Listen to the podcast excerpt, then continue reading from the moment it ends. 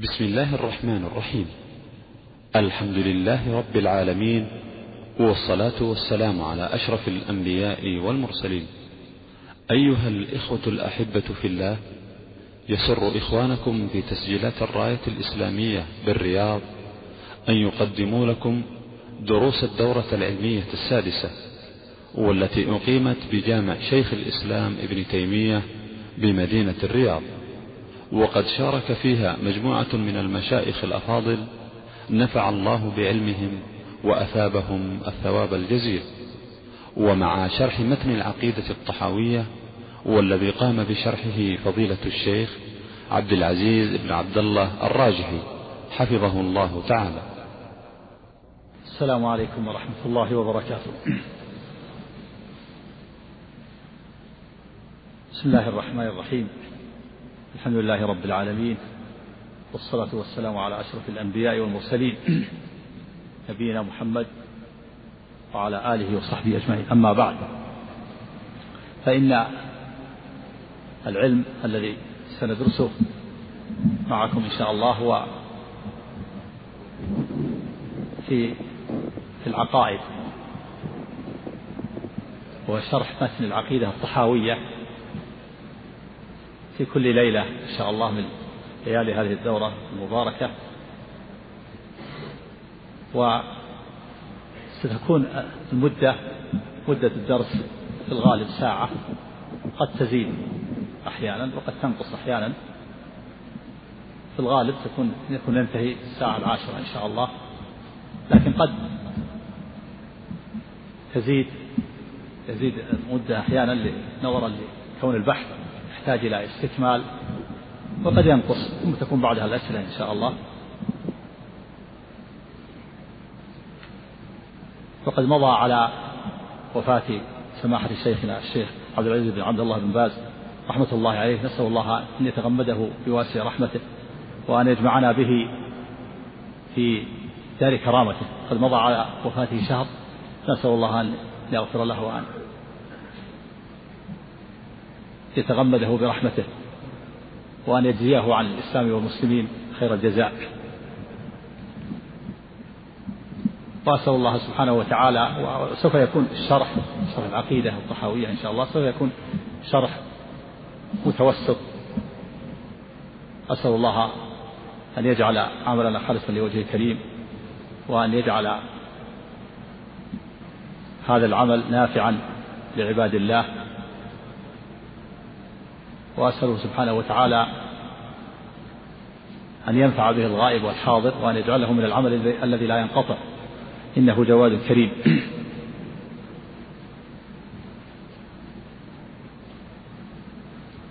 هذا العلم الذي ندرسه هو علم العقائد ودراسة العقيدة الطحاوية يتعلق بعلم الأصول وهو علم الأصول. وعلم الأصول بالنسبة علم أصول الدين بالنسبة إلى غيره هو أشرف العلوم فهو أشرف العلوم. علم أصول الدين أشرف العلوم لأن شرف العلم بشرف المعلوم. والمعلوم هو الله سبحانه وتعالى هو العلم بالله وأسمائه وصفاته وأفعاله. فالعلم يشرف بشرف المعلوم والمعلوم هو العلم هو هو هو الله سبحانه العلم بالله وأسمائه وصفاته وأفعاله. فتبين بهذا أنها أن علم أصول الدين أشرف العلوم. لأن شرف العلم إنما يكون بشرف المعلوم والمعلوم هو الله سبحانه وتعالى. فعلم أصول الدين يتعلق بالعلم بالله وأسمائه وصفاته وأفعاله.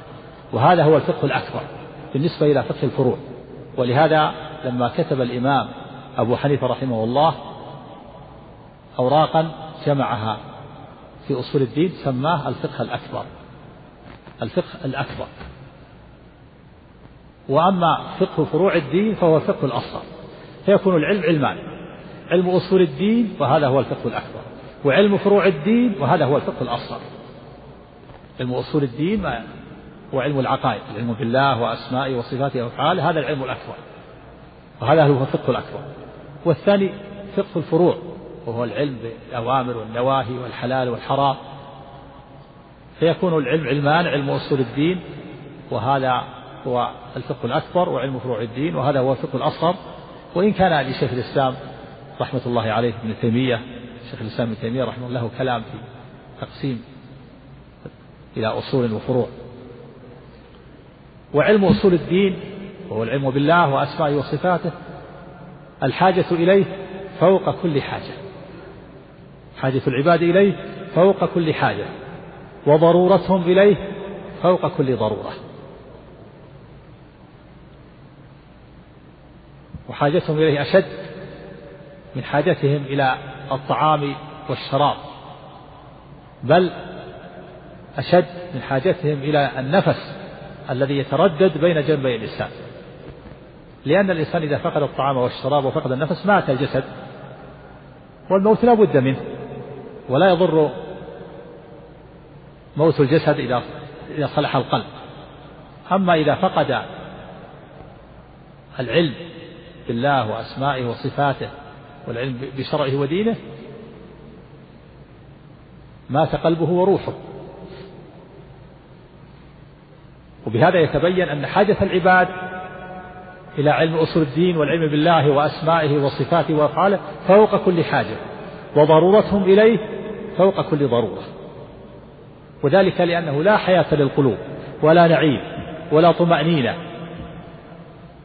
ولا سعادة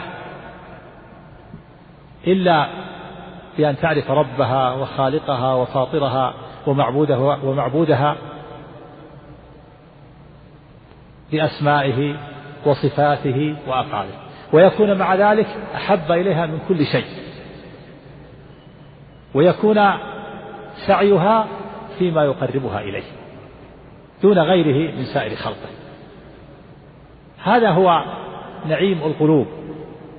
وروحها وطمأنينتها وسعادتها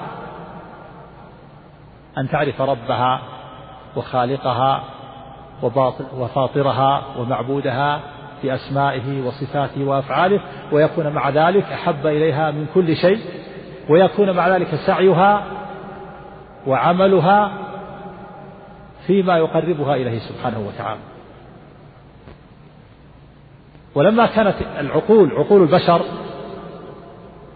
لا تستقل بمعرفة هذا الأمر وهو العلم بالله وأسمائه وصفاته وأفعاله لا تستقل بمعرفة ذلك. على التفصيل اقتضت حكمة الله ورحمته بعباده أن أرسل الرسل يعرفون بالله ويدعون إلى الله ويبشرون من أجابهم وينذرون من عصاهم وخالفهم. وجعل سبحانه وتعالى مفتاح دعوة الرسل وزبدة رسالتهم معرفة المعبود. سبحانه وتعالى بأسمائه وصفاته وأفعاله. وعلى هذه المعرفة تبنى مطالب الرسالة كلها. وعلى هذه المعرفة تبنى مطالب الرسالة كلها من أولها إلى آخرها على معرفة المعبود بأسمائه وصفاته وأفعاله تبنى مطالب الرسالة كلها من أولها إلى آخرها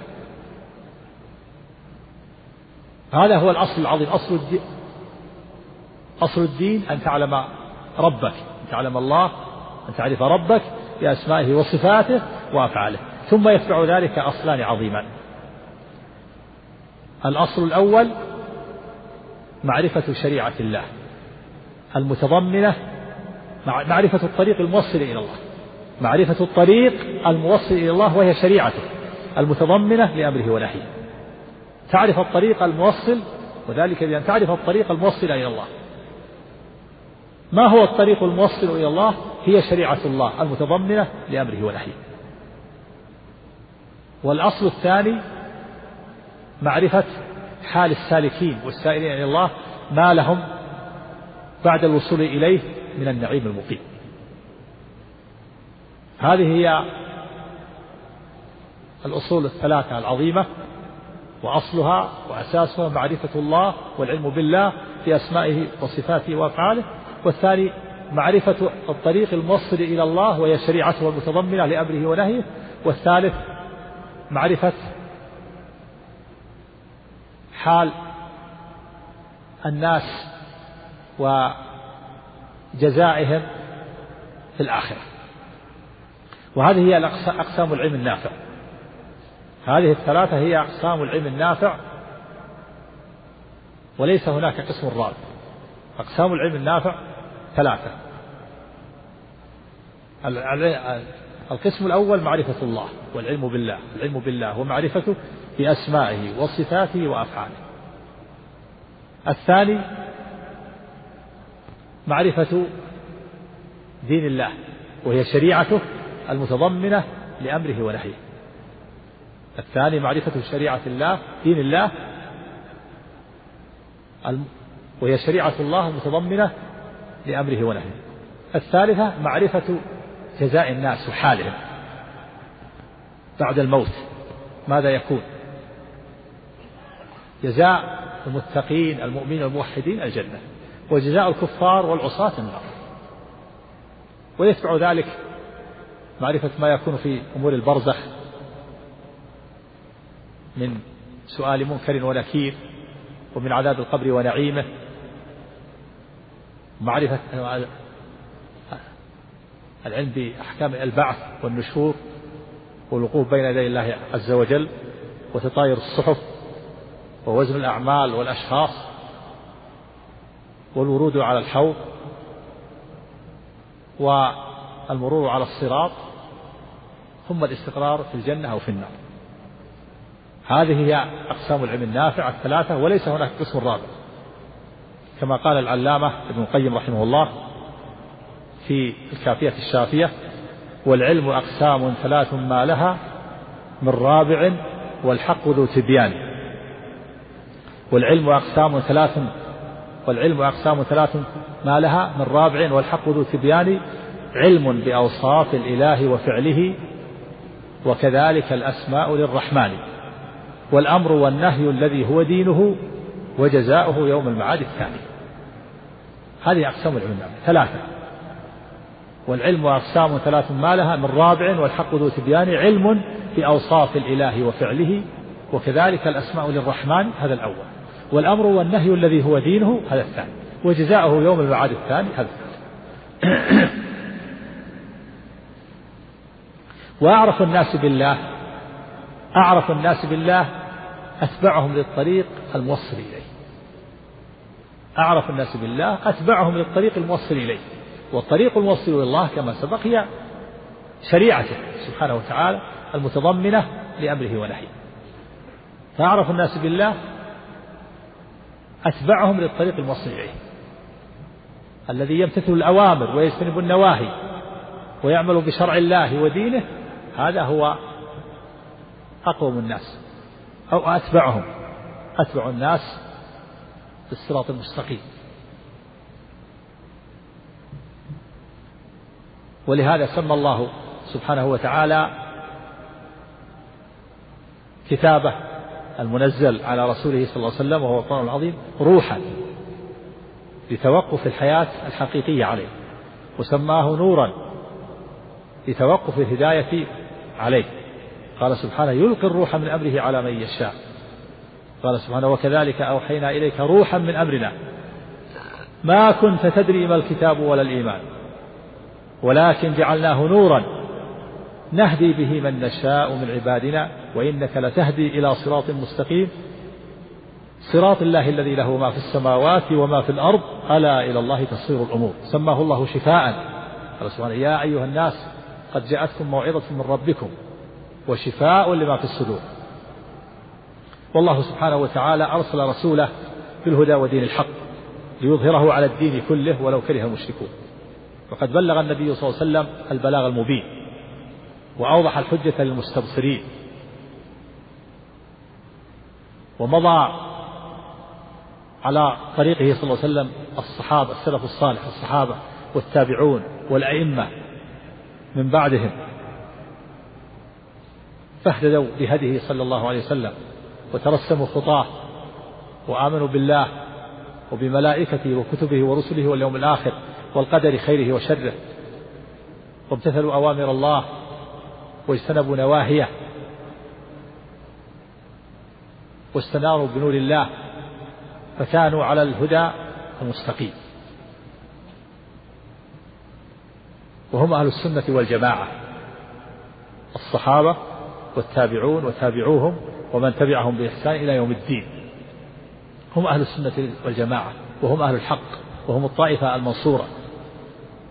ثم لما بعد العهد خلف من بعدهم خلوف.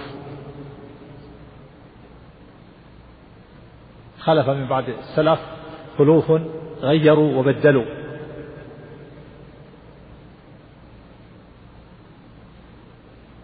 وتفرقوا.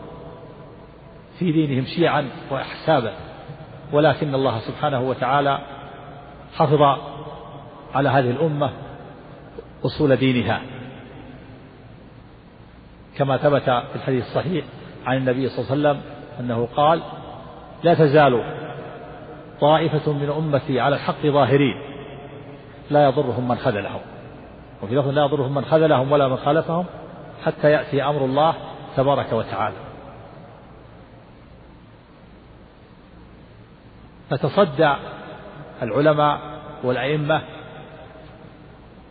لإيضاح أصول الدين وفروعه والرد على أهل البدع بدعهم وإيضاح الحق. فنصر الله بهم الحق وألفوا المؤلفات وكتبوا الردود.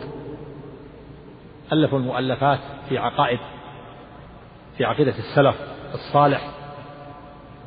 ومن هؤلاء الأئمة الإمام أبو جعفر أحمد بن محمد بن سلامة الأزدي الطحاوي. نسبة إلى قرية طحاء من صعيد مصر. المولود سنة تسع وثلاثين ومئتين والمتوفى سنة إحدى وعشرين وثلاثمائة. ألف هذه الرسالة في العقيدة. المعروفة بالعقيدة الطحاوية. مؤلفها أحمد بن محمد أبو جعفر أحمد بن محمد بن سلامة الأزدي الطحاوي. ألف هذه الرسالة في عقيدة السلف الصالح. وتلقاها تلقتها الأمة بالقبول وتلقاها العلماء بالقبول سلفا وخلفا. وفي هذه الرسالة بيان عقيدة أهل السنة والجماعة. وإن كان قد يلاحظ على هذه الرسالة ملحوظات يسيرة قد تتمشى قد تتمشى مع معتقد المرجئة. نبه عليها العلماء وسيأتي التنبيه عليها إن شاء الله. وهناك أيضا عبارات مشتبهة وفيها إيهام لكن القاعدة في هذا أنها أن العبارات المشتبهة تفسر بالعبارات الواضحة. لأن القاعدة عند أهل العلم أنه أن النصوص المشتبهة من كتاب الله عز وجل تفسر بالنصوص الواضحة المحكمة وترد إليها. هذه هي طريقة أهل العلم الراسخين في العلم. يردون المتشابه إلى المحكم ويفسرون النصوص المتشابهة بالنصوص المحكمة فيتضح الأمر. وكذلك أيضا النصوص المتشابهة في سنة رسول الله صلى الله عليه وسلم تفسر بالنصوص الواضحة المحكمة. فيزول الاشتباه. وكذلك أيضا النصوص المشتبهة في كلام أهل العلم تفسر بالنصوص الواضحة من كلامهم. ولا يتعلق بالنصوص المتشابهة. لا يتعلق بالنصوص المتشابهة ويترك النصوص المحكمة الواضحة إلا أهل الزيغ والضلال. كما قال الله سبحانه وتعالى في كتابه العظيم هو الذي أنزل عليك الكتاب منه آيات محكمات هن أم الكتاب وأخر متشابهات. فأما الذين في قلوبهم زيغ فيتبعون ما تشابه منه. ابتغاء الفتنة وابتغاء تأويله وما يعلم تأويله إلا الله. والراسخون في العلم يقولون آمنا به كل من عند ربنا وما يذكر إلا أولو الألباب. قد ثبت عن عائشة رضي الله عنها أنها قالت إذا رأيتم الذين يتبعون ما تشابه منه فأولئك الذين سمى الله فاحذروه. ثم قرأت هذه الآية. فأهل الزيغ يتعلقون بمتشابه ويتركون المحكم. فمثلا إذا تعلق النصراني بقول الله عز وجل إنا نحن نزلنا الذكر وإنا له لحافظون وقال إن نحن ضمير ضمير الجمع وهذا يدل على أن الآلهة ثلاثة يقول له أهل الحق أنت من أهل الزيت هذا من النصوص المشتبهة الواجب عليك أن تردها إلى النصوص المحكمة والواضحة كقول الله عز وجل وإلهكم إله واحد لا إله إلا هو الرحمن الرحيم. إنني أنا الله لا إله إلا أنا فاعبدني. تقول عليك أن ترجع هذا النص المشتبه إلى النص المحكم. نحن يقول في لغة العرب يقوله الواحد المعظم لنفسه. وهكذا هذا مثال.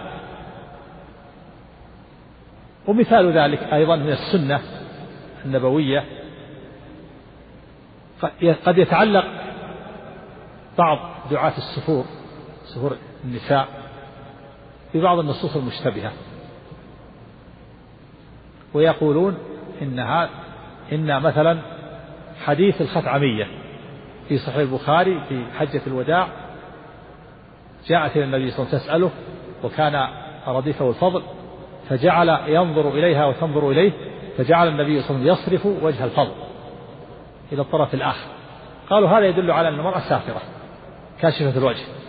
وهذا يدل على أن على أن المرأة يجوز لها كشف الوجه وأن كشف الوجه ليس بواجب. ويستدلون أيضا بحديث أسماء أنها جاءت إلى النبي صلى الله عليه وسلم وعليها ثياب الرقاق. فقال فأعرض النبي صلى الله عليه وسلم عنها بوجهه وقال يا أسماء إن المرأة إذا بلغت المحيض لم يصلح أن يرى منها إلا هذا وهذا وأشار إلى وجهه وكفيه. قالوا هذا يدل على إيش؟ يدل على كشف الوجه. نقول لهم أنتم من أهل الزيغ. أنتم تعلقتم بالنصوص المتشابهة. لماذا تركتم النصوص المحكمة الواضحة؟ تركتم قول الله عز وجل وإذا سألتموهن متاعا فاسألوهن من وراء حجاب. ذلكم أطهر لقلوبكم وقلوبهم. والحجاب ما يحجب المرأة عن الرجل. الحجاب يكون جدار ويكون باب ويكون غطاء على الوجه. وقل للمؤمنات يا, يا أيها النبي قل لأزواجك وبناتك ونساء المؤمنات يدنين عليهن من جلابيبهن. ذلك أدنى أن يعرفن فلا يؤذين وكذلك ثبت في صحيح البخاري في قصة الإفك لما سار الجيش وترك عائشة وترك عائشة رضي الله عنها قالت جلست في مكان الجيش لعلهم يفقدونها ثم يرجعون وكان صفوان بن معطل السلمي قد جاء متأخرا فلما رأى سواد إنسان عرفها وجعل يقول إنا لله وإنا إليه راجعون استرجع. وكانت نائمة عائشة قالت فاستيقظت باسترجاع صفوان فخمرت وجهي بجلبابي وكان يعرفني قبل الحجاب. وهذا في صحيح البخاري. قوله فخمرت وجهي بجلبابي صريح لأن غطت وجهي. وكان يعرفني قبل الحجاب دليل على أن النساء قبل الحجاب يكشفن الوجوه. وأما بعد الحجاب فكنا يسترن الوجوه. وفي سنن أبي داود عن عائشة رضي الله عنها أنها قالت كان الركبان يمرون بنا ونحن مع رسول الله صلى الله عليه وسلم محرمات فإذا حذونا أسدلت إحدانا جلبابها على وجهها فإذا جاوزونا كشفناه. فنقول كيف تتعلقون أنتم بحديث أسماء وحديث الخطعمية وتتركون هذه النصوص المحكمة؟ عليك أن تفسر تفسر حديث الخطعمية بما بما يتناسب مع هذه النصوص. ثم أيضا حديث أسماء هذا ضعيف. ضعيف فيه علل كثيرة فهو منقطع. لأنه من رواية خالد بن دريك عن عائشة وخالد بن دريك لم يسمع عن عائشة ثم أيضا هو منكر المتن منكر. ولا لا يمكن أن تكون أسماء بنت أبي بكر أخت عائشة وكذا امرأة الزبير امرأة عاقلة دينة تدخل على النبي بثياب الرقاق هذا لا يمكن. تصف البشرة. فهو فيه علل متعددة كثيرة وهو من رواية أيضا سعيد بن بشير وهو ضعيف أيضا. ولو ولو صح جدلا لكان محمولا على أنه قبل الحجاب. فالمقصود من هذا أن أهل الزيغ يتعلقون بالنصوص المتشابهة ويتركون النصوص المحكمة. وأما أهل الراسخون في العلم فإنهم يأخذون بالنصوص المحكمة ويفسر ويرجعون إلى النصوص المتشابهة. ومن ذلك أيضا في القرآن الكريم لأهمية هذا المثال أن نصوص العلو محكمة. يأتي أهل الزيغ ويتعلقون بنصوص العلية وهو معكم أينما كنتم. لا تحزن إن الله معنا. إنني معكم أسمع وأرى. يأتي أهل البدع وأهل الزيغ ونفاة الصفات فيقول هذا دليل على أن الله مختلط بالمخلوقات وأن الله معهم نقول لهم أنتم أهل الزيغ. لماذا تركتم النصوص المحكمة؟ نصوص العلو والمعية ثم استوى على العرش في سبعة مواضع. وهو وهو القاهر فوق عباده. إن ربكم الله الذي خلق السماوات والأرض. إليه يصعد الكلم الطيب. بل رفعه الله إليه. تعرج الملائكة والروح إليه. يخافون ربهم من فوقهم. حتى إن نصوص العلو تزيد على ثلاث آلاف أفرادها على ثلاث آلاف دليل. كلها صريحة في أن الله فوق السماوات. فوق عرشه مستوى على عرشه بائن من خلقه. ثم تتعلق بنصوص المعية. المعية لا تفيد الاختلاط في لغة العرب. تقول لا, لا تزال العرب تقول ما زلنا نسير والقمر معنا. هذا معروف في لغة العرب. والقمر فوقك. وتقول فلان معه كذا. وقد يكون فوق رأسه. فالمقصود أن الطريقة أهل الزيغ يتعلقون بالنصوص المتشابهة. ويتركون النصوص المحكمة. أما طريقة الراسخين في العلم فإنهم يفسرون يأخذون بالنصوص المحكمة ويرجعون إليها النصوص المتشابهة ويفسرونها بها فيزول الإشكال. وهكذا كلام أهل العلم.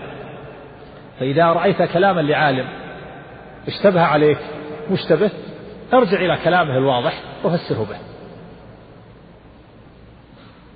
كما سيأتي في بعض كلام أبي جعفر الطحاوي. وهذه العقيدة الطحاوية كما سبق تلقاها العلماء بالقبول. وشرحت بشروح متعددة. لكن هذه الشروح لا تتمشى مع معتقد أهل السنة والجماعة. وأحسن شروحها هو شرح العقيدة المعروفة الآن التي منتشر المطبوع الذي ألفه علي بن علي بن أبي العز الحنفي المولود سنة 731 ومتوفى سنة 792 هذا أفضل الشروح وأحسنها. قد ذكر رحمه الله في مقدمته أن أن العقيدة الطحاوية شرحت شروح متعددة إلا أنها لا تتمشى مع معتقد أهل السنة والجماعة. فأراد أن يشرحها شرحا يتمشى مع معتقد أهل السنة والجماعة.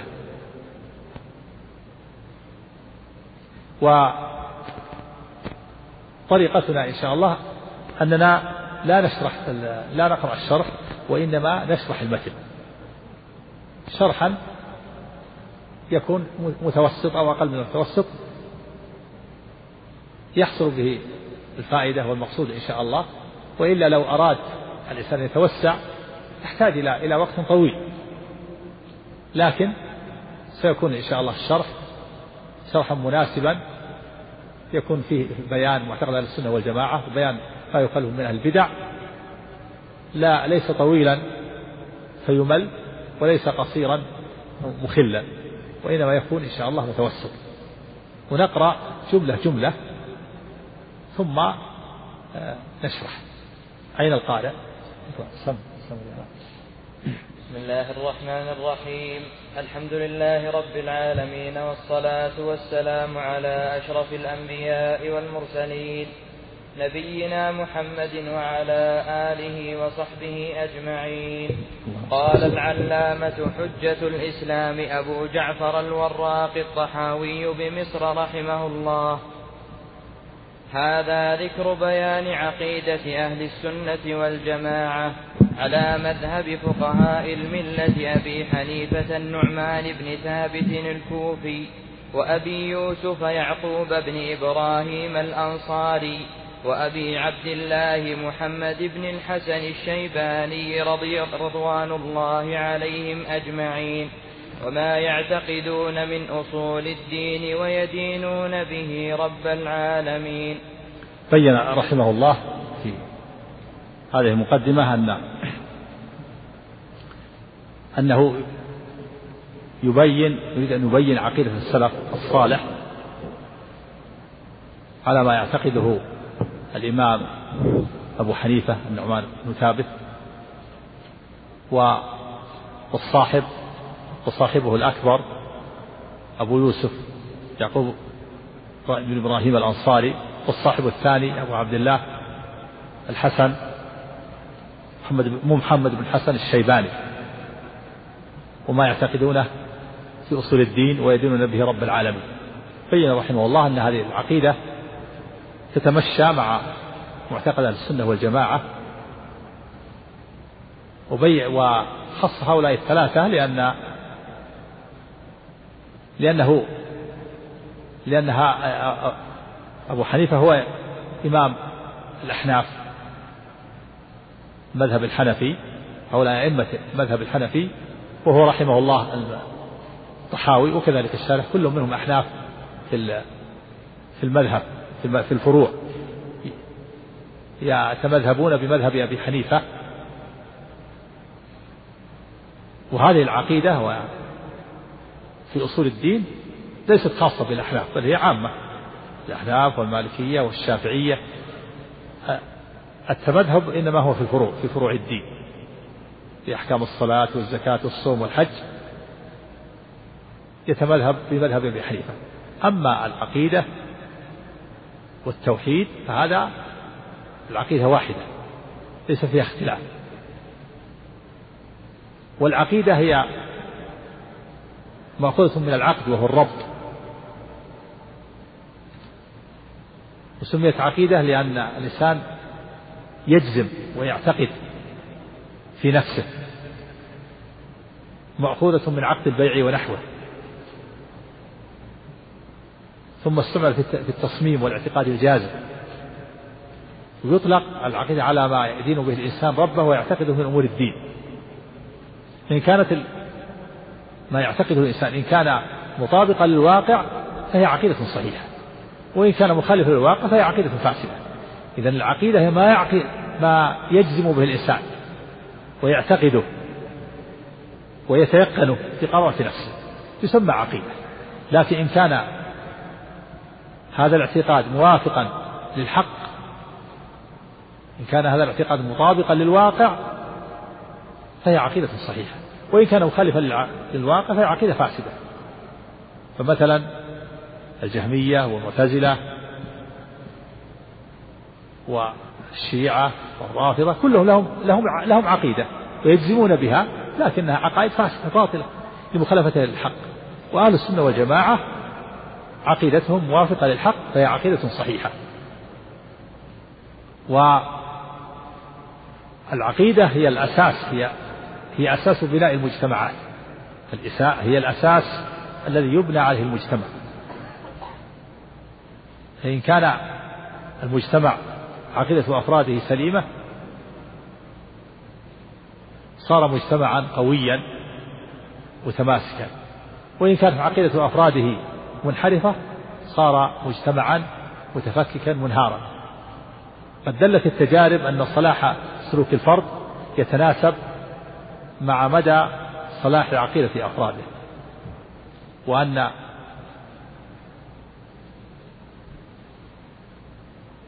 انحراف الإنسان انحراف سلوكه يتناسب مع مدى تضاؤل عقيدته وانحرافها. والعقيدة السليمة الصحيحة تعصم الدم والمال وتصحح جميع الأعمال. والعقيدة الفاسدة تهدر الدم والمال وتفسد جميع الأعمال. قال الله تعالى لئن أشركت ليحبطن عملك ولا تكونن من الخاسرين. وقال سبحانه ولو أشركوا لحبط عنهم ما كانوا يعملون. وقال عليه الصلاة والسلام من بدل دينه فاقتلوه. وقال عليه الصلاة والسلام لا يحل دم امرئ مسلم إلا بإحدى ثلاث الثيب الزاني والنفس بالنفس والتارك لدينه المفارق إلى الجماعة. فدل هذا على أن العقيدة السليمة تعصم الدم والمال. لا يحل دمه ولا ماله ما دام اعتقاده صحيح إلا إذا ارتكب واحدة من ثلاث الزاني بعد الإحصان والقاتل عمدا والثاني المرتد الذي فارق دينه. مبدل دينه فاقتلوه. العقيدة الصحيحة تعصم الدم والمال والعقيدة الفاسدة تهدر الدم والمال والعقيدة الصحيحة تصحح جميع الأعمال. إذا صحت العقيدة صحت الأعمال كلها.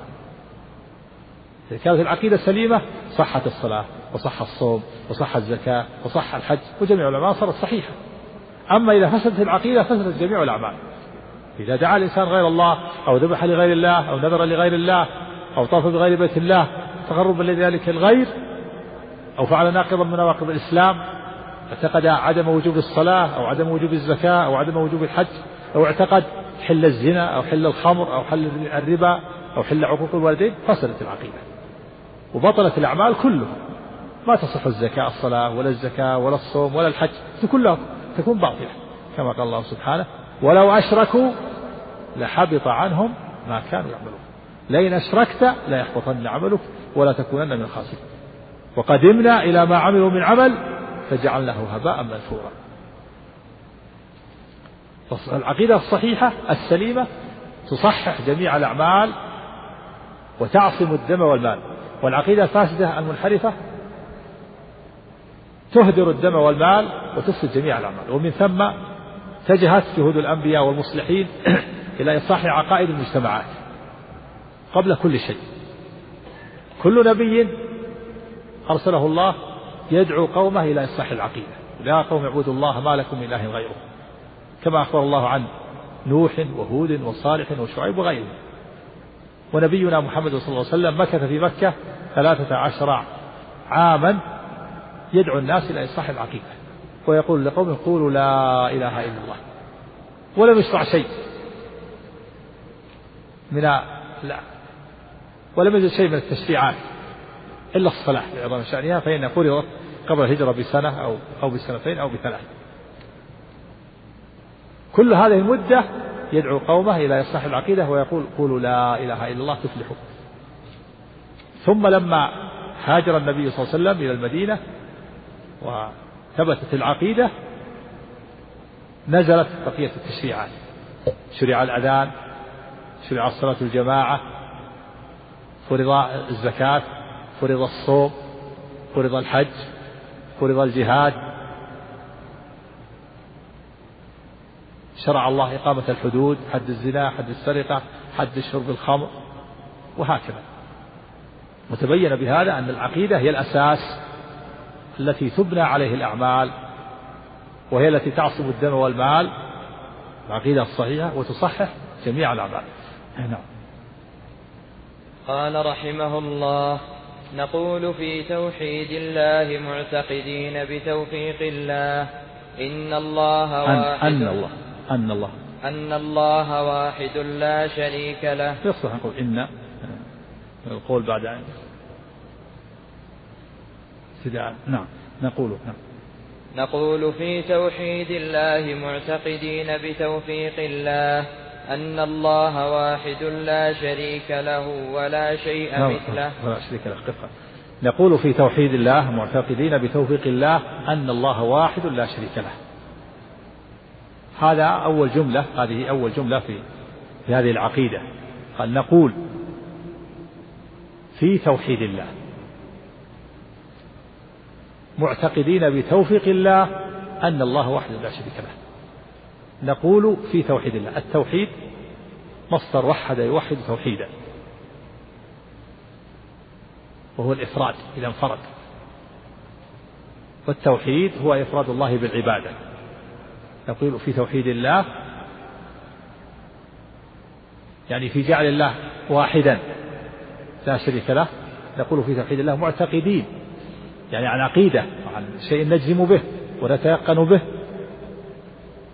ولكن بتوفيق الله ليس بحول منا ولا قوة ولكن الله هو الذي وفقنا لهذا الاعتقاد السليم. نقول في توحيد الله معتقدين بتوفيق الله يعني بتوفيق الله وإعانته. لا يستطيع الإنسان أن يفعل شيئا ولا أن يعتقد شيئا ولا أن يقول شيئا ولا أن يفعل شيئا إلا بتوفيق الله وإعانته. ولهذا قال المصنف رحمه الله نقول في توحيد الله معتقدين بتوفيق الله أن الله واحد لا شريك له. أن الله واحد لا شريك له. واحد لا شريك له في ذاته ولا في صفاته ولا في أسمائه. ولا في أفعاله ولا في ألوهيته ولا في ألوهيته وعبادته. ويدخل في هذه الجملة نقول في في توحيد الله وقول أن الله واحد لا شريك له يدخل في ذلك التوحيد بأنواعه الثلاثة. التوحيد توحيد الله واعتقاد أن الله واحد لا شريك له يشمل توحيد الله واعتقاد أنه لا شريك وأنه واحد لا شريك له في ذاته وفي ربوبيته وفي أسمائه وصفاته وأفعاله وفي ألوهيته وعبوديته وفي ألوهيته وعبادته.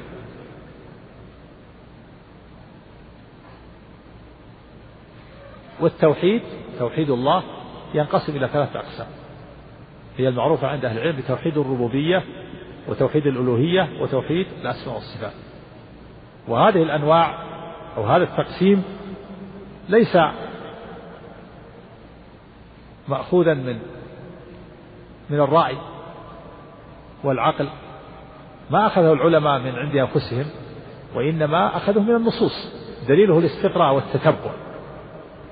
استقراء النصوص وتتبع النصوص دلت على أن التوحيد ينقسم إلى هذه الأقسام الثلاثة. توحيد الله في ربوبيته وتوحيد الله في أسمائه وصفاته وتوحيد الله في ألوهيته وعبادته. إذا دليل هذا التقسيم الاستقراء والتتبع للنصوص. وكل قسم عليه دليل. وإذا كان كل قسم عليه دليل ما يكون مبتدع كما يزعم بعض الناس يقول هذا التقسيم مبتدع. وغلا بعضهم قال إن هذا التقسيم للتوحيد مثل تقسيم مثل التثليث عند النصارى والعياذ بالله. نسأل الله السلامة والعافية. هذه الأقسام مأخوذة من كتاب الله وسنة رسول الله صلى الله عليه وسلم. كما سيأتي. كل نوع وكل قسم عليه دليل. وهو أيضا حال الناس حال الناس الموحدين لله. لا تخلو من هذه الأمور الثلاثة. قد يكون قد يكون الإنسان موحد في ربوبية الله. وقد يكون موحد في أسمائه وصفاته وقد يكون موحد في ألوهيته وعبادته قد يكون موحد في أنواع موحد لله في في ربوبيته وأسمائه وصفاته وألوهيته. وقد يكون موحدا لله في ربوبيته ولم يكن موحدا لله في ألوهيته. فأحوال الناس تختلف. وهذا التقسيم إنما دل عليه كتاب الله وسنة رسوله صلى الله عليه وسلم استقرأ العلماء النصوص وتتبعوها فوجدوا أن هذا توحيد أن التوحيد ينقسم إلى هذه الأقسام الثلاثة. القسم الأول توحيد الربوبية وهو إثبات حقيقة ذات الرب وأفعاله. إثبات حقيقة ذات الرب وأفعاله. بأن تعتقد أن الله واجب الوجود لذاته سبحانه وتعالى وأنه هو القائم بنفسه المقيم لغيره وأنه هو الرب مربي عباده وأنه هو الخالق وأنه هو المالك وأنه هو المدبر فلا بد من هذه الأمور. لا بد في من توحيد الله في ربوبية من هذه الأمور. الأمر الأول إثبات حقيقة ذات الرب بأن تعتقد أن الله واجب الوجود لذاته. لم يسبقه عدم ولا يلحقه عدم سبحانه وتعالى. فهو واجب الوجود لذاته بخلاف المخلوق. فإن وجوده ليس واجبا ولا ممتنعا. لأنه لو كان واجبا لما سبقه العدم. كون العدم سبق وجود المخلوق دليل على أن وجوبه ليس واجبا بل جائزا. وليس ممتنعا لأن الله خلقه وأوجده. فالممتنع لا لا يوجد. فدل على أن وجوبه وجود المخلوق وجود جائز. سبقه العدم ويلحقه العدم ويلحق حياته الضعف والنقص. أما وجود الله فهو وجود واجب لذاته. لم يسبقه عدم سبحانه وتعالى ولا يلحقه عدم ولا يلحق حياته نقص ولا ضعف. ولا تغير ولا فساد ولا ولا سنة ولا نوم. ولم يتفرع من شيء ولا يتفرع منه شيء سبحانه وتعالى. كما قال سبحانه قل هو الله أحد الله الصمد لم يلد ولم يولد ولم يكن له كفوا أحد. فلا بد من إثبات حقيقة ذات الرب واعتقاد أن الله واجب الوجود لذاته. لم يسبقه عدم ولا يلحقه عدم. سبحانه وتعالى ثانيا الإيمان بربوبية الله واعتقاد أن الله هو الرب وغيره مربوب. فهو الرب هو رب العباد وغيره مربوب كما قال سبحانه الحمد لله رب العالمين. هو رب العالمين وكل ما سوى الله عالم. والله تعالى رب هذه هؤلاء العالم وغيره مربوب. ثالثا إثبات أن الله هو الخالق وغيره مخلوق. كما قال سبحانه الله خالق كل شيء. وخلق كل شيء فقدره تقديرا. رابعا اعتقاد أو إثبات أن الله هو هو المالك وغيره مملوك. فهو مالك كل شيء وغيره مملوك. خامسا اعتقاد وإثبات أن الله هو المدبر وغيره مدبر. وهو مدبر الخلق وهو المحيي وهو المميت وهو الرازق وهو الرزاق وهو منزل المطر مسبب الأسباب يحيي ويميت ويعز ويذل ويخفض ويرفع ويقبض ويبسط. فهو مدبر سبحانه وغيره مدبر. بهذا يكون الإنسان وحد الله في ربوبيته. أثبت وجود الله واعتقد أن الله واجب الوجود لذاته وأثبت ربوبية الله واعتقد أنه هو الرب غيره المربوب وأثبت أن الله هو الخالق وغيره مخلوق وأثبت أن الله هو المالك وغيره مملوك وأثبت أن الله هو المدبر وغيره مدبر. ومع ذلك لا يكفي هذا التوحيد في الإيمان والنجاة من النار ولا يكون الإنسان مسلما بهذا التوحيد. هذا النوع من التوحيد أقر به الكفار. مشرك قريش.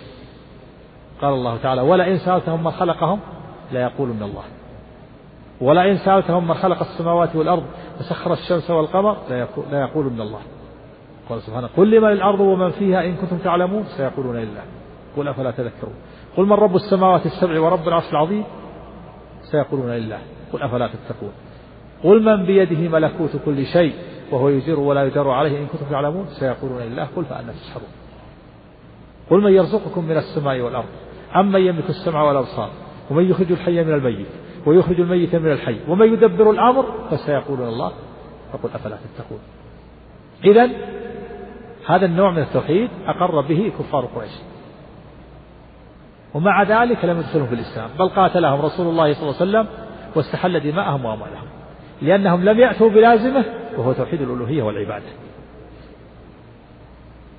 الثاني توحيد الأسماء والصفات. توحيد الأسماء والصفات. وهو الإيمان والإقرار بأسماء الله الحسنى وصفاته العلى التي ثبتت في الكتاب والسنة. الإيمان بها وإثباتها لله على ما يليق بجلاله وعظمته من غير تحريف ولا تعطيل ومن غير تكييف ولا تمثيل. والأسماء والصفات توقيفية. ليس لأحد أن يخترع الله أسماء وصفات من عند نفسه بل الأسماء والصفات توقيفية. ما ثبت في الكتاب والسنة أنه اسم لله أو وصف أثبتناه له وما لم يرد في الكتاب والسنة نتوقف. لا نثبت فلا بد من الإيمان والإقرار والعلم بأن بما لله من الأسماء والصفات على الوجه اللائق بالله عز وجل من غير تكييف ولا تمثيل ولا تحريف ولا تعظيم وهذا النوع أيضا من التوحيد أقر به كفار قريش. كانوا يقرون كان المشركون يقرون بجنس هذا النوع. كان المشركون يقرون بجنس هذا النوع.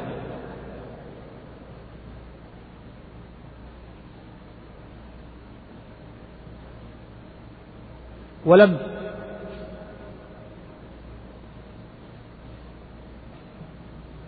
ولم يوجد عندهم منهم إنكار لشيء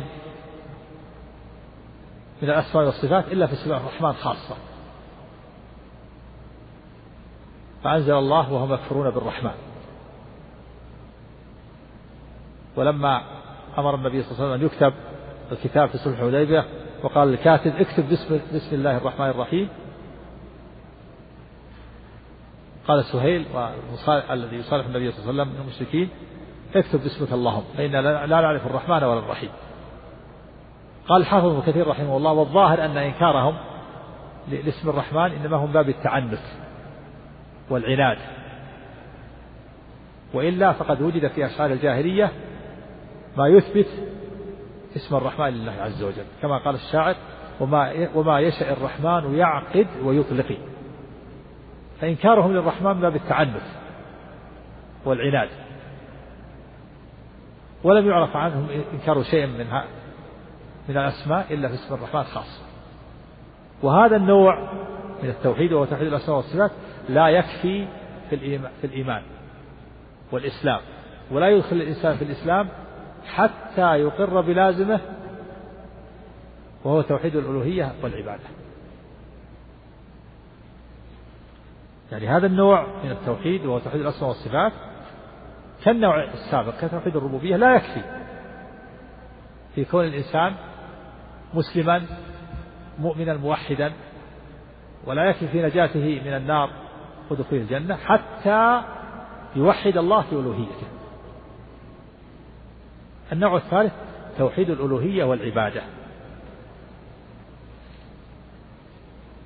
وهو توحيد الله بأفعال العباد. النوع الأول وهو توحيد الربوبية توحيد الله بأفعالك أنت. توحيد توحيد الله بأفعال الرب. توحيد الله بأفعال الرب. الخلق والرزق والإماتة والإحياء هذه أفعال الله. فأنت توحد الله بأفعاله هو. توحيد الله بأفعاله. توحيد الربوبية توحيد الله بأفعاله. أما توحيد الألوهية فهو توحيد الله بأفعال العباد. بأفعالك أنت أيها الإنسان. من صلاة وزكاة وصوم وحج وبر للوالدين وصلة للرحم. هذه أفعالك أنت. وأمر بالمعروف ونهي عن المنكر وكف نفسك عن المحرمات تتقرب بها إلى الله. توحد الله بها بأن تتقرب إلى الله وتخلصها لله وتطلب وتريد بها وجه الله والدار الآخرة. هذا هو توحيد العبادة. وتوحيد العبادة هو أول دعوة الرسل وآخرها وأول منازل الطريق وأول مقام يقوم فيه السالك إلى الله. وهو أول دعوة الرسل وآخرها. كما أخبر الله تعالى عن الأنبياء قال الله تعالى لقد أرسلنا نوحا إلى قومه فقال يا قوم اعبدوا الله ما لكم من إله غيره.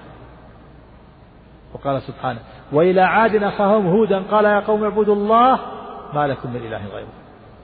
وإلى ثمود أخاهم صالحا قال يا قوم اعبدوا الله ما لكم من إله غيره. وإلى مدين أخاهم شعيبا قال يا قوم اعبدوا الله ما لكم من إله غيره. وقال سبحانه ولقد بعثنا في كل أمة رسولا أن اعبدوا الله واجتنبوا الطاغوت. وقال سبحانه وما أرسلنا من قبلك من رسول إلا نوحي إليه أنه لا إله إلا أنا فاعبدون. فهذا التوحيد توحيد الألوهية هو أول الدين وآخره وظاهره وباطنه وأول دعوة الرسل وآخرها وأول منازل الطريق وأول مقام يقوم فيه السالك إلى الله. وأول ما يدخل به المسلم في الإسلام وآخر ما يخرج به من الدنيا. كما قال النبي صلى الله عليه وسلم في الحديث الصحيح من كان آخر كلامه لا إله إلا الله دخل الجنة. وهذا التوحيد لأجله خلق خلق الله الخليقة ولأجله أرسل الله الرسل ولأجله أنزل الله الكتب ولأجله قام سوق الجهاد ولأجله حقت الحاقة. ولأجله وقعت الواقعة. ولأجله انقسم الناس إلى شقي وسعيد إلى كفار ومؤمنين.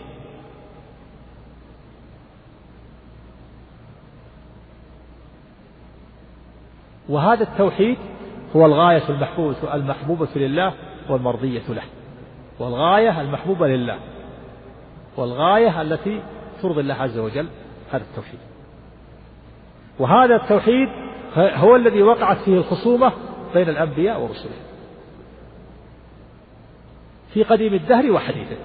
الأنبياء والرسل إنما نازعهم وخاصمهم خاصمتهم أممهم في هذا التوحيد. بخلاف توحيد الربوبية وتوحيد الأسماء والصفات فهما توحيدان فطريان قد أقر بهما جميع الخلق إلا من شذ إلا بعض الطوائف التي شذت. وانتكست فطرتها وعميت بصيرتها. وإلا فجميع الخلائق يقرون بتوحيد الربوبية وتوحيد الأسماء والصفات. والنزاع والخصومة بين الأنبياء والرسل في هذا التوحيد. وهو توحيد الألوهية والعبادة. والتوحيد توحيد الربوبية وتوحيد الأسماء والصفات هما الوسيلة. والغاية توحيد العبادة والألوهية توحيد الربوبية وتوحيد الأسماء والصفات أن تعرف ربك وتعلم ربك بأسمائه وصفاته وأفعاله. فإذا عرفت ربك عبدته وتقربت إليه وأخلصت العبادة له. فتوحيد الربوبية والأسماء والصفات أن تعلم ربك بأسمائه وتعرف ربك بأسمائه وصفاته تعرف معبودك ثم تعبده وتخلص له العبادة.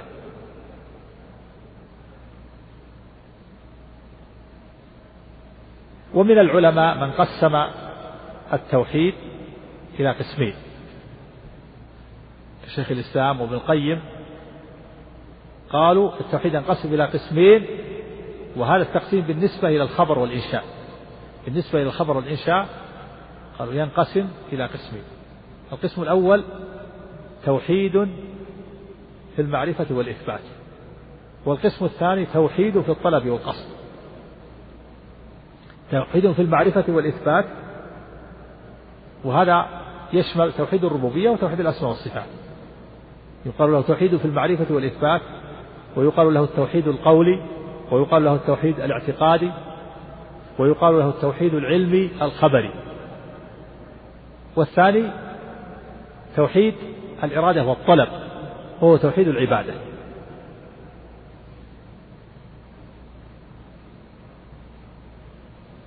قال العلماء إن التوحيد الأول وهو التوحيد في المعرفة والإثبات كما ذكر العلامة ابن القيم رحمه الله وغيره هو إثبات حقيقة ذات الرب وأسماعه وصفاته وأفعاله وإثبات عموم قضائه وقدره وحكمته.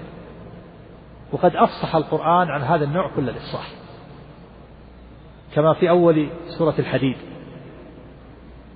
وسورة طه وآخر سورة الحشر.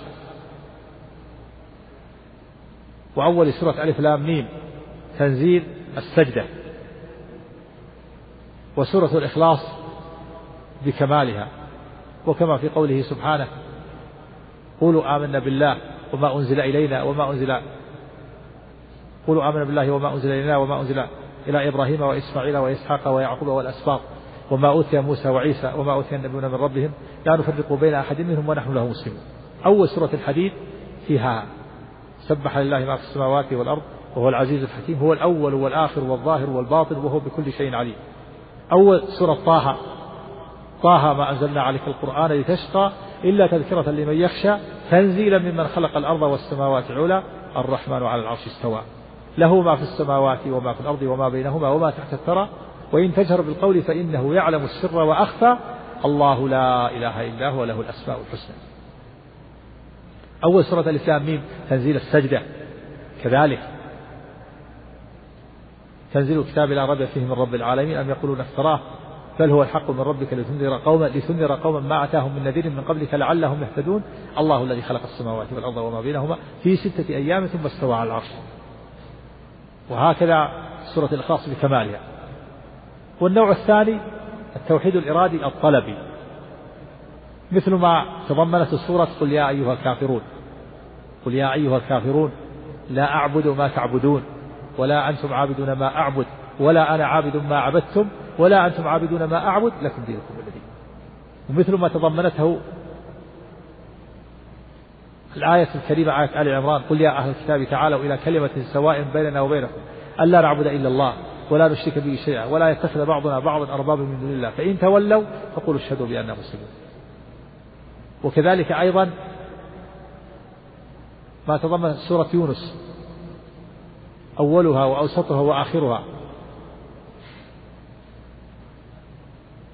أكان للناس عجبا أن أوحينا إلى رجل من أنذر الناس وبشر الذين آمنوا أن لهم قدم صدق عند ربهم. قال الكافرون إن هذا لساحر مبين. إن ربكم الله الذي خلق السماوات والأرض في ستة أيام ثم استوى على العرش يدبر الأمر. ما من شفيع إلا من بعد إذنه. ذلكم الله ربكم فاعبدوه أفلا تذكرون. في آخرها قل يا أيها الناس إن كنتم في شك من ديني فلا أعبد الذين تعبدون من دون الله ولكن أعبد الله الذي يتوفاكم. وأمرت أن أكون من المؤمنين وأن أقم وجهك للدين حنيفا ولا تكونن من المشركين. جملة سورة, سورة الأنعام. أنكر الله تعالى على المشركين شركهم. وجعلوا لله مما ذرأ من الحرث والأنعام نصيبا فقالوا هذا لله بزعمهم وهذا لشركائنا فما كان لشركائهم فلا يصل إلى الله. قال بعد ذلك ثمانية أزواج من الضأن اثنين ومن المعز اثنين. قل آه الذكرين حرم أم الأنثيين؟ أما اشتملت عليه أرحام الأنثيين؟ أم كنتم شهداء؟ إذ وصاكم الله بهذا. ثم قال ومن الإبل اثنين ومن البقر اثنين. قل آه الذكرين حرم أم الأنثيين؟ أما اشتملت عليه أرحام الأنثيين أم كنتم شهداء؟ إذ وصاكم الله بهذا.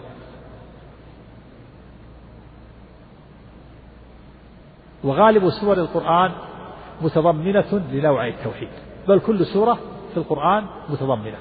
فإن القرآن إما خبر عن الله وأسمائه وصفاته وأفعاله وهذا هو التوحيد العلمي الخبري. وإما دعوة إلى توحيده ونهي عن الشرك وعبادة غيره وهذا هو التوحيد الإرادي الطلبي. وإما أمر ونهي وإلزام بطاعته فذلك من حقوق التوحيد ومكملاته.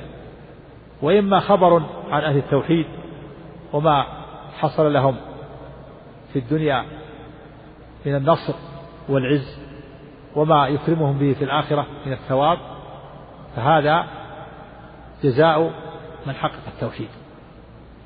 وإما خبر عن أهل الشرك وما أصابهم في الدنيا من النكس من النكس من النكسة والهزيمة وما يكون في الآخرة وما تكون عاقبتهم وما يحصل لهم في الآخرة من العذاب والنكال وهذا جزاء من خرج عن التوحيد. فالقرآن كله في التوحيد وحقوقه وجزاءه. وفي أهل فالقرآن كله في الحقوق والتوحيد في التوحيد وحقوقه وجزاءه وجزاء أهله.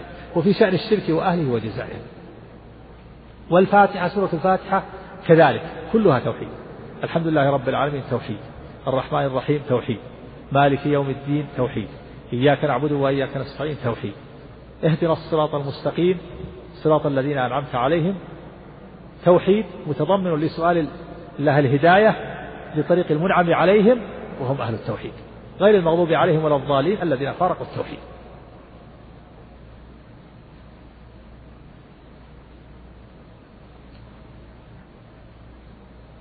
فهذا التوحيد فالقرآن كله من أوله إلى آخره على هذا بهذا التفصيل كله في التوحيد وحقوقه وجزاء أهله وفي شأن الشرك وأهله وجزائه. وتوحيد توحيد الربوبية نفاة الصفات أدخلوا فيه أدخلوا فيه. في هذا التوحيد نفي الصفات المعطلة من الجهمية وغيرهم وقالوا إن إن معنى التوحيد نفي الصفات. وقالوا إن إثبات الصفات يستلزم تعدد الواجب. والواجب عندهم يسمون الله الواجب ويسمون المخلوق الممكن. قالوا إن إثبات الصفات يستلزم تعدد الواجب. ففرارا من ذلك قالوا نفي الصفات حتى لا يكون الواجب إلا واحد. لو أثبتنا سمع وبصر وعلم وقدرة صار الواجب متعدد. وهذا من أبطل الباطل. هذا من من الفساد. فإن إثبات ذات مجردة عن جميع الصفات والأسماء لا توجد في الخارج. لا يوجد شيء في الخارج إلا له اسم وصفة. فإذا نفيت الأسماء والصفات عن شخص فلا يمكن أن يوجد. فإذا قلت هناك شيء موجود لكن ليس له طول ولا عرض ولا عمق ولا وليس فوق ولا تحت ولا خلف ولا يمين ولا شمال لا وجود له إلا في الذهن. وهؤلاء سلبوا الأسماء والصفات عن الرب. معنى ذلك أنهم لم يثبتوا لم يثبتوا ربا ولا خالقا. إنما أثبتوا شيئا في الذهن والعياذ بالله. وقد أفضى هذا التوحيد ببعضهم إلى أن وصلوا إلى الحلول والاتحاد نعوذ بالله. حتى قالوا إن الوجود واحد وقالوا بالحلول والاتحاد ووقعوا في شر من مذهب النصارى فإن النصارى حل خصوا حلول الرب بالمسيح ليس بالرب وهؤلاء الجهمية الغلاة قالوا إن الله حل في كل مكان تعالى الله عما يقول علو كبير فلما وصلوا إلى القول بالحلول والاتحاد وقالوا إن الوجود واحد تفرع عن هذا التوحيد الذي يسمونه توحيد وهو من أعظم الشرك تفرع عن ذلك القول بأن الوجود واحد. وقالوا وتفرع عن ذلك القول بأن فرعون على الصواب وأنه مصيب حينما قال أن ربكم الأعلى. وقالوا إن إن عباد الأصنام على الحق والصواب وإنهم إنما عبدوا الله ولم يعبدوا غيره. وقالوا لا فرق في التحريم بين الأم والأخت والأجنبية. ولا بين الزنا والخمر ولا بين النكاح ولا بين ولا بين الماء والخمر ولا بين الزنا والنكاح. وقالوا الكل من عين واحدة بل هو العين الواحدة. ومن فروع توحيد الاتحادية أن قالوا إن الأنبياء ضيقوا على الناس وبعدوا عليهم المقصود والأمر وراء وراء ذلك كله. هذا والعياذ بالله سببه أن هؤلاء أعرضوا عن كتاب الله وسنة رسوله وتركوا كتاب الله وراءهم ظهريا فتولتهم الشياطين ف قالوا هذه المقالات التي سودوا بها الأوراق وأضلوا بها الناس.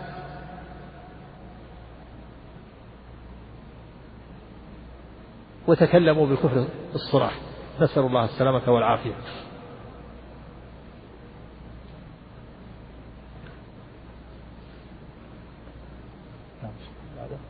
كم الساعة نعم قال رحمه الله تعالى ولا شيء مثله ولا شيء مثله. يقول المؤلف رحمه الله نقول في توحيد الله معتقدين بتوفيق الله أن الله واحد لا شريك له ولا شيء مثله. أي أن الله سبحانه وتعالى لا يماثله شيء من المخلوقات لا في ذاته ولا في صفاته ولا في أفعاله. فليس له مثيل سبحانه وتعالى كما قال سبحانه ليس كمثله شيء وهو السميع البصير. فمن اعتقد أن لله مثيلا في ذاته أو مثيلا في صفاته أو مثيلا في أفعاله فقد كفر.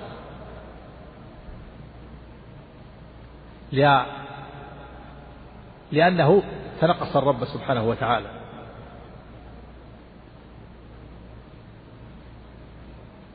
ولأنه لم يثبت واجب الوجود لذاته. فالله تعالى لا مثيل له لا في صفاته ولا في أفعاله لا في ذاته ولا في صفاته ولا في أفعاله. ومن اعتقد لله مثيلا فهو في الحقيقة لم يعبد الله وإنما يعبد وثنا. صوره له خياله ونحته له فكره. وهو من عباد الأوثان لا من عباد الرحمن. وهو مشابه للنصارى في كفرهم. ولهذا قال العلامة ابن القيم لسنا نشبه وصفه بصفاتنا. إن المشبه عابد الأوثان. وقال من شبه الله العظيم بخلقه فهو النسيب لمشرك النصراني. فمن شبه الله بخلقه فقد شابه النصارى لأن النصارى شبهوا المسيح بالله وقالوا إنه من الله تعالى الله ما يقولون. ومن شبه الله بخلقه ومثل الله بخلقه فهو في الحقيقة ما عبد الله وإنما عبد وثنا. كما أن من نفى صفات الله وأسمائه وصفاته فهو في الحقيقة لم يثبت شيئا وإنما عبد عدما لا وجود له. ولهذا يقول العلماء المشبه الممثل يعبد صنما.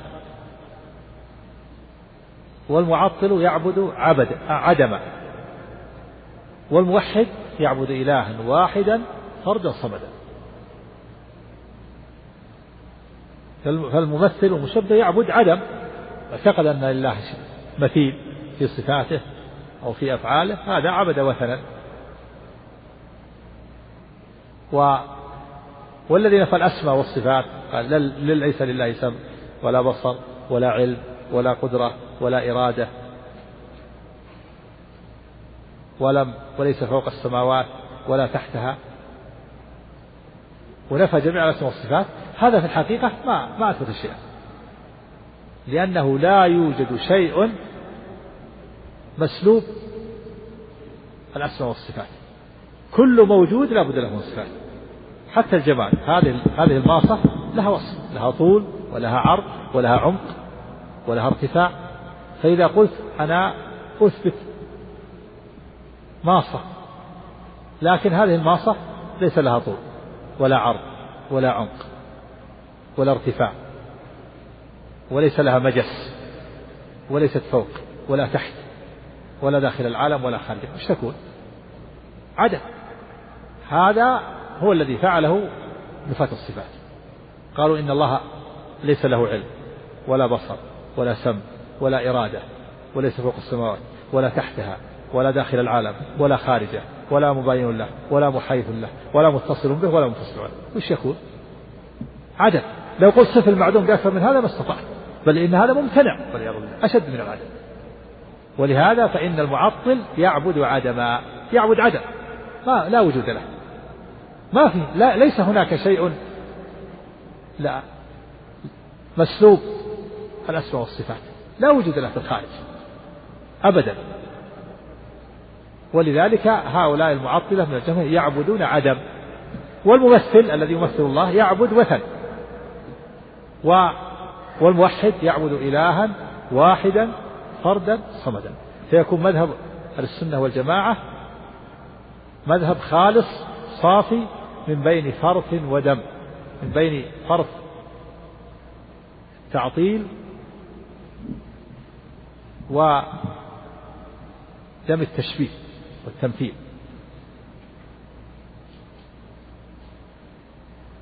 هذا معنى قول المؤلف رحمه الله ولا شيء مثله.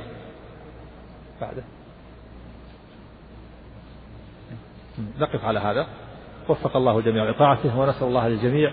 التوفيق والعلم النافع والعمل الصالح ونبقى مع مع مع الأسئلة. إن كان هناك أسئلة بعض الوقت.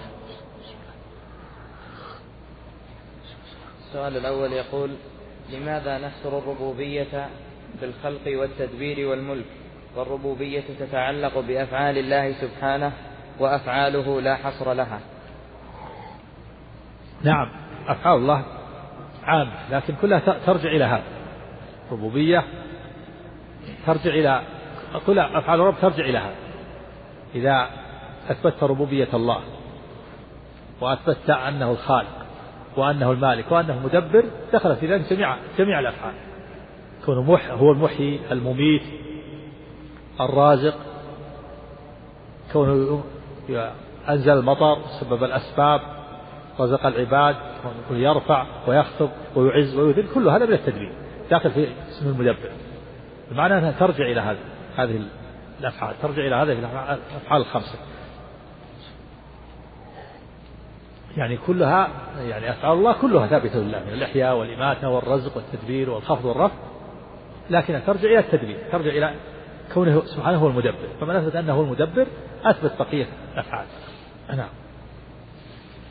يقول السائل هل يجوز دعاء الله بصفاته كأن يقال يا حياة الله أو يا رحمة الله؟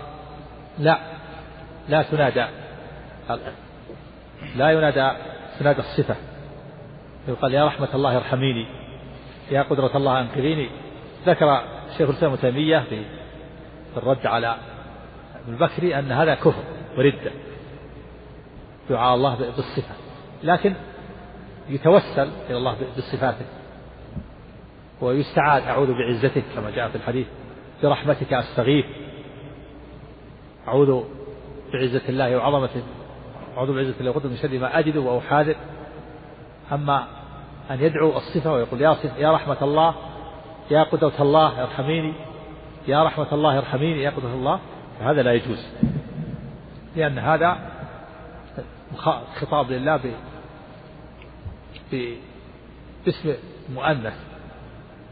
ولأن هذا لم يرد في كتاب الله ولا في سنة رسول الله صلى الله عليه وسلم ولا على السلف الصالح. ولهذا ذهب الإمام أبو العباس بن رحمه الله إلى أن هذا ردة إلى أن من جعل الصفة ردة. نعم. يقول السائل قرأت لبعض أهل العلم أن تقسيم الدين إلى أصول وفروع بدعي فأرجو من فضيلتكم التفضل بإيضاح. إيش؟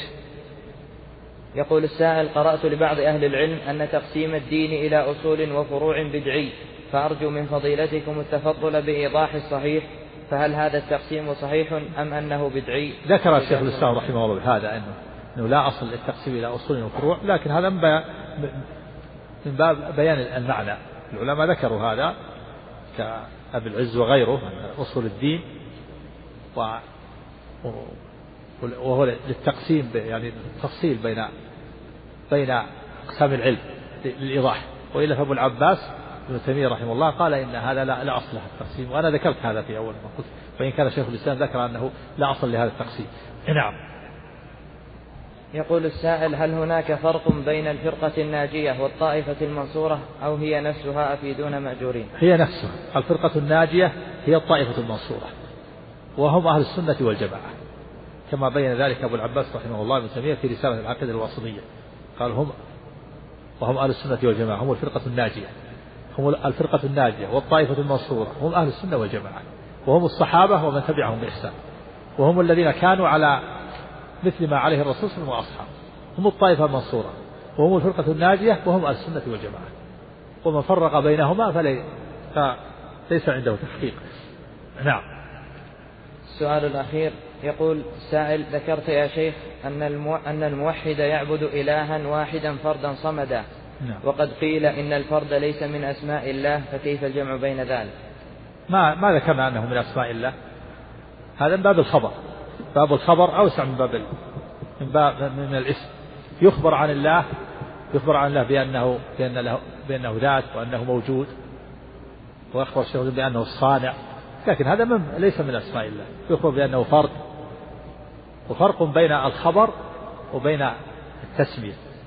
ولهذا يقول باب الخبر أوسع من باب الأسماء. باب الأسماء والصفات توقيفية. باب الخبر يخبر عن الله بأنه فرد ولكن لا يقال من أسمائه فرد. هذا من باب الخبر. وفرق بين باب الخبر وبين إيش؟ وبين باب الأسماء والصفات. وفق الله جميع لطاعته ورزق الله جميع العلم النافع والعمل الصالح وصلى الله على محمد وآله وصحبه وسلم. السلام عليكم ورحمة الله وبركاته. بسم الله الرحمن الرحيم. الحمد لله رب العالمين. الصلاة والسلام على أشرف الأنبياء والمرسلين نبينا محمد وعلى آله وصحبه أجمعين. أما بعد فإننا نروي ننوي إن شاء الله أن ننهي هذا المتن متن الطحاوي إن شاء الله في هذه الدورة. فنرجو من الإخوان الحرص على الحضور. ونسأل الله سبحانه وتعالى أن ييسر أن ييسر أمورنا وأن يصلح صدورنا وأن يوفقنا جميعا للعلم النافع والعمل الصالح. ونسأله سبحانه وتعالى أن يرزقنا جميعا الإخلاص في العمل والصدق في القول.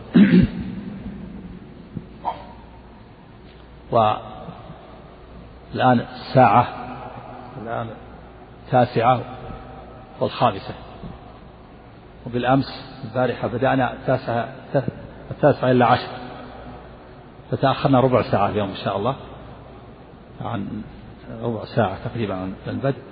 يلاحظ هذا إن شاء الله. نحاول أن يكون الدرس إن شاء الله ساعة لكن تأخرنا الآن في البدء. نعم. بسم الله الرحمن الرحيم. الحمد لله رب العالمين والصلاة والسلام على أشرف الأنبياء والمرسلين. نبينا محمد وعلى آله وصحبه أجمعين. قال الإمام الطحاوي رحمه الله تعالى ولا شيء يعجزه. بسم الله الرحمن الرحيم. بعد أن ذكر الطحاوي رحمه الله أن عقيدة أهل السنة والجماعة في توحيد الله وأنهم يعتقدون أن الله واحد لا شريك له ولا شيء مثله وأنه لا يماثله شيء من مخلوقاته قال ولا شيء يعجزه. يعتقد أهل السنة والجماعة وأهل الحق أن الله لا يعجزه شيء لكمال قدرته سبحانه وتعالى. كما قال سبحانه إن الله على كل شيء قدير. وقال سبحانه وكان الله على كل شيء مقتدرا. وقال سبحانه وما كان الله ليعجزه من شيء في السماوات ولا في الأرض إنه كان عليما قديرا. وهذا النفي ولا شيء يعجزه يستلزم إثبات ضده من الكمال. وهكذا كل نفي ورد في الكتاب والسنة في حق الرب عز وجل فإنما هو لإثبات ضده من الكمال. ليس نفيا صرفا ولا محضا بل يستلزم إثبات ضده من الكمال. ولذا قال سبحانه وما كان الله ليعجزه من شيء ثم قال إن الله كان عليما قديرا. فهذا النفي ما كان الله ليعجزه من شيء لكمال علمه وقدرته. وكما قال سبحانه لا لا يظلم ربك أحدا. هذا نفي الظلم لكمال لإثبات كمال ضده. لإثبات لا يظلم ربك أحدا لكمال عدله. لا يعزب عنه مثقال ذرة في السماوات ولا في الأرض لكمال علمه. لا يؤوده حفظهما لكمال قوته واقتداره. لا تأخذه سنة ولا نوم لكمال حياته. لا تدركه الأبصار لكمال عظمته وجلاله وكبريائه. وهكذا كل نفي يأتي في الكتاب والسنة فإنما هو لإثبات ضده من الكمال يتضمن إثبات ضده من الكمال. لا يرد في النصوص في الكتاب والسنة النفي الصرف المحض الذي لا يستلزم شيئا لأن نفي المحض والصرف لا ليس فيه كمال. ولهذا يوصف المعدوم في النفي الصرف المحض.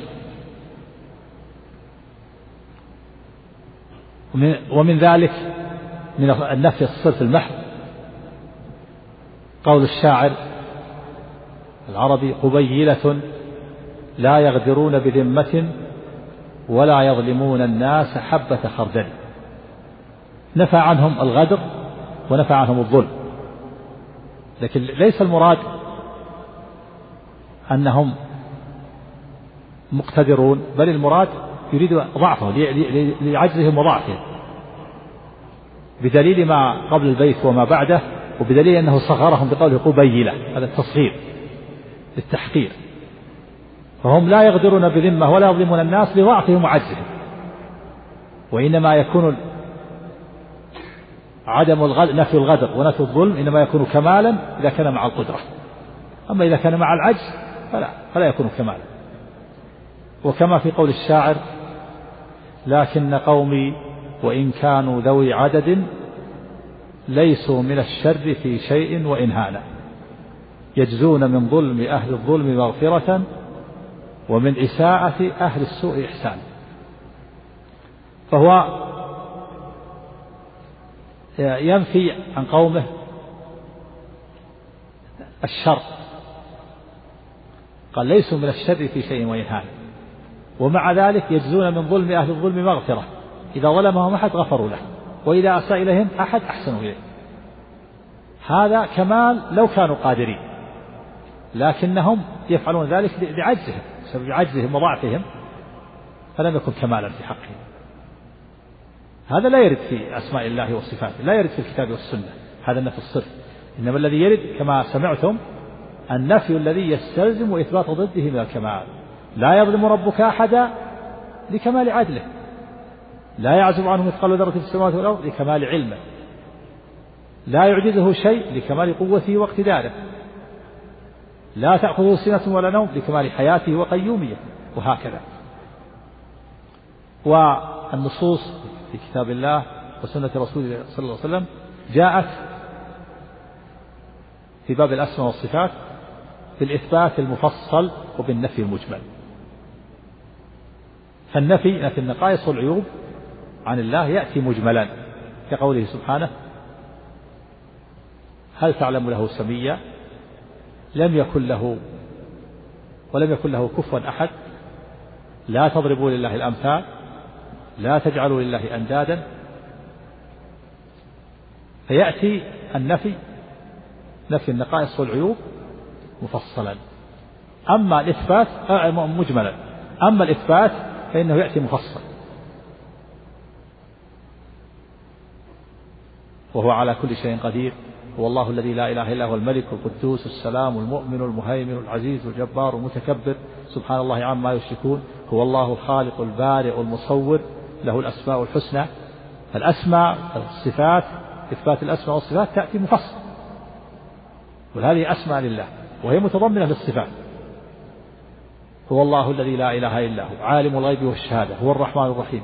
هو الله الذي لا إله إلا هو. الملك. القدوس السلام المؤمن المهيمن العزيز الجبار المتكبر. سبحان الله عما يشركون. هو الله الخالق البارئ المصور. له الأسماء الحسنى. يسبح له ما في السماوات والأرض وهو العزيز الحكيم. وهذا من الإثبات المفصل.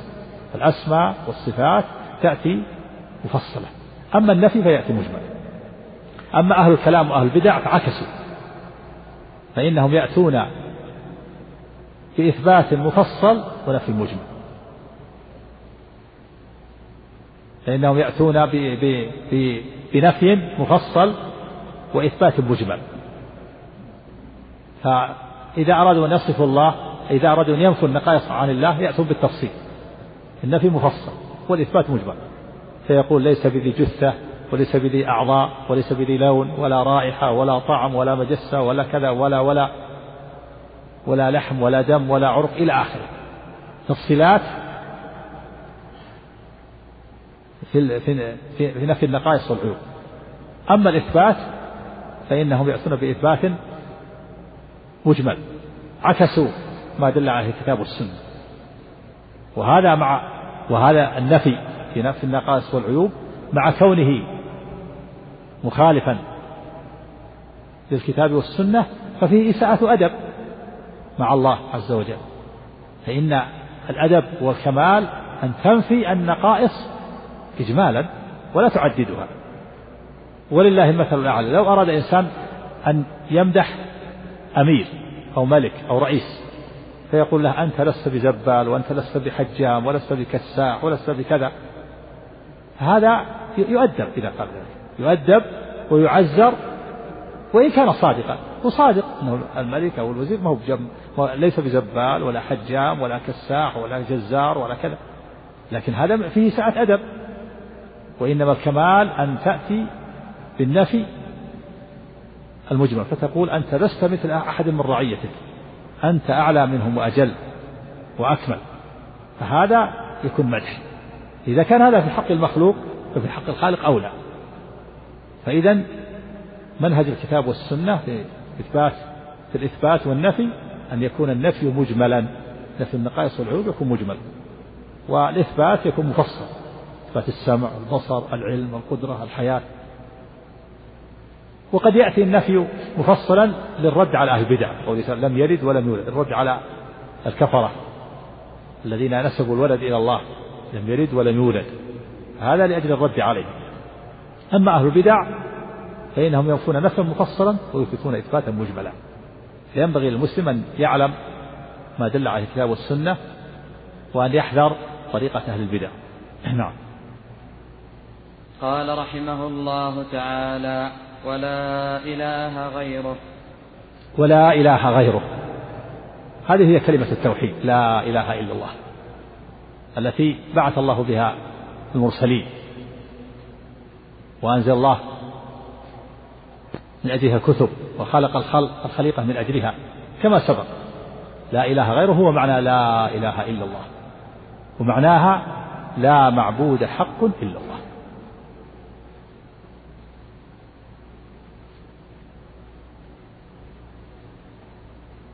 وقد أخبر الله تعالى عن إبراهيم عليه الصلاة والسلام يقول وإذ قال إبراهيم لأبيه وقومه إنني براء مما تعبدون إلا الذي فطرني. هذا هو معنى كلمة التوحيد. إنني براء مما تعبدون إلا الذي فطرني. إنني براء مما تعبدون هذا النفي. إلا الذي فطرني هذا هو الإثبات. هو معنى كلمة التوحيد. لا إله غيره هو معنى لا إله إلا الله. وإثبات التوحيد إنما هو بالنفي والإثبات. إثبات التوحيد بهذه الكلمة إنما هو بالنفي والإثبات المقتضي للحصر. ما تبقى من مادة هذا الشريط تتابعونها في الشريط التالي.